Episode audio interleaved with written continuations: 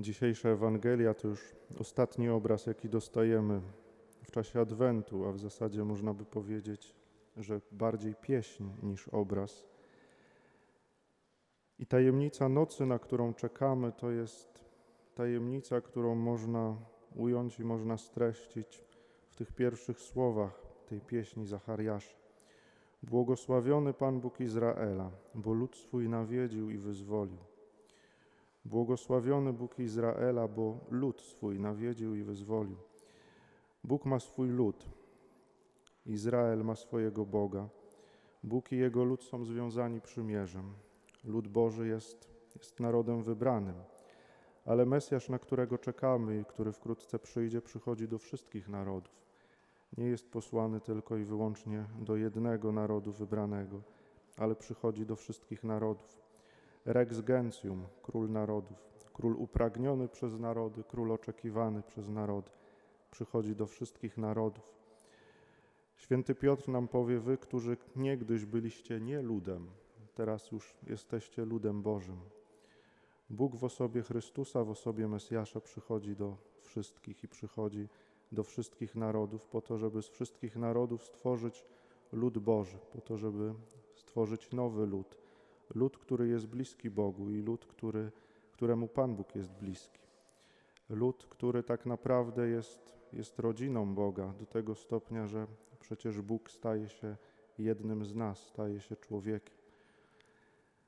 Bóg przychodzi i nawiedza swój lud. Nawiedza tak, jak się nawiedza chorego, potrzebującego czy ubogiego. Nawiedza, żeby zobaczyć, jak się miewa i żeby się o niego zatroszczyć. Niebawem święty Jan powie nam znacznie więcej, powie, że, że Słowo stało się ciałem i zamieszkało pomiędzy nami. Że Bóg nie tylko przychodzi, żeby nas odwiedzić jednorazowo albo odwiedzić od czasu do czasu, tylko Bóg przychodzi, żeby zamieszkać z nami na zawsze. O tym też nas zapewni Chrystus, wstępując do Ojca, mówi: Oto ja jestem z Wami przez wszystkie dni, aż do skończenia świata.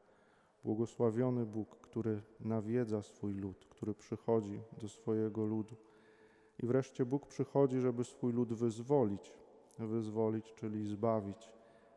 Będziemy śpiewać dzisiaj w czasie mszy świętej w nocy. Dziś narodził się nam Zbawiciel. Bóg przychodzi, żeby nas zbawić, żeby obdarzyć nas pełnią życia. Czyż tak naprawdę nie tego życzymy sobie i nie tego będziemy sobie życzyć w czasie dzisiejszej wieczerzy wigilijnej, życząc sobie zdrowia, pokoju, pomyślności, spełnienia. Czy tak naprawdę nie chodzi nam o życie pełne, o życie obfite, życie szczęśliwe? A jednocześnie też czujemy w pewien sposób, że, że to życie nie jest tylko i wyłącznie wysiłkiem czy efektem naszych zabiegów, że to jest też w jakiś sposób dar Boży, że to życie przychodzi do nas z góry, że ten sposób też i Bóg obdarza nas życiem, że sami sobie w pełni życia obfitego, szczęśliwego tutaj na ziemi nie zapewnimy. Ja przyszedłem na to, przyszedłem po to na świat, aby owce miały życie i miały je w obfitości, powie Pan Jezus w Ewangelii Janowej.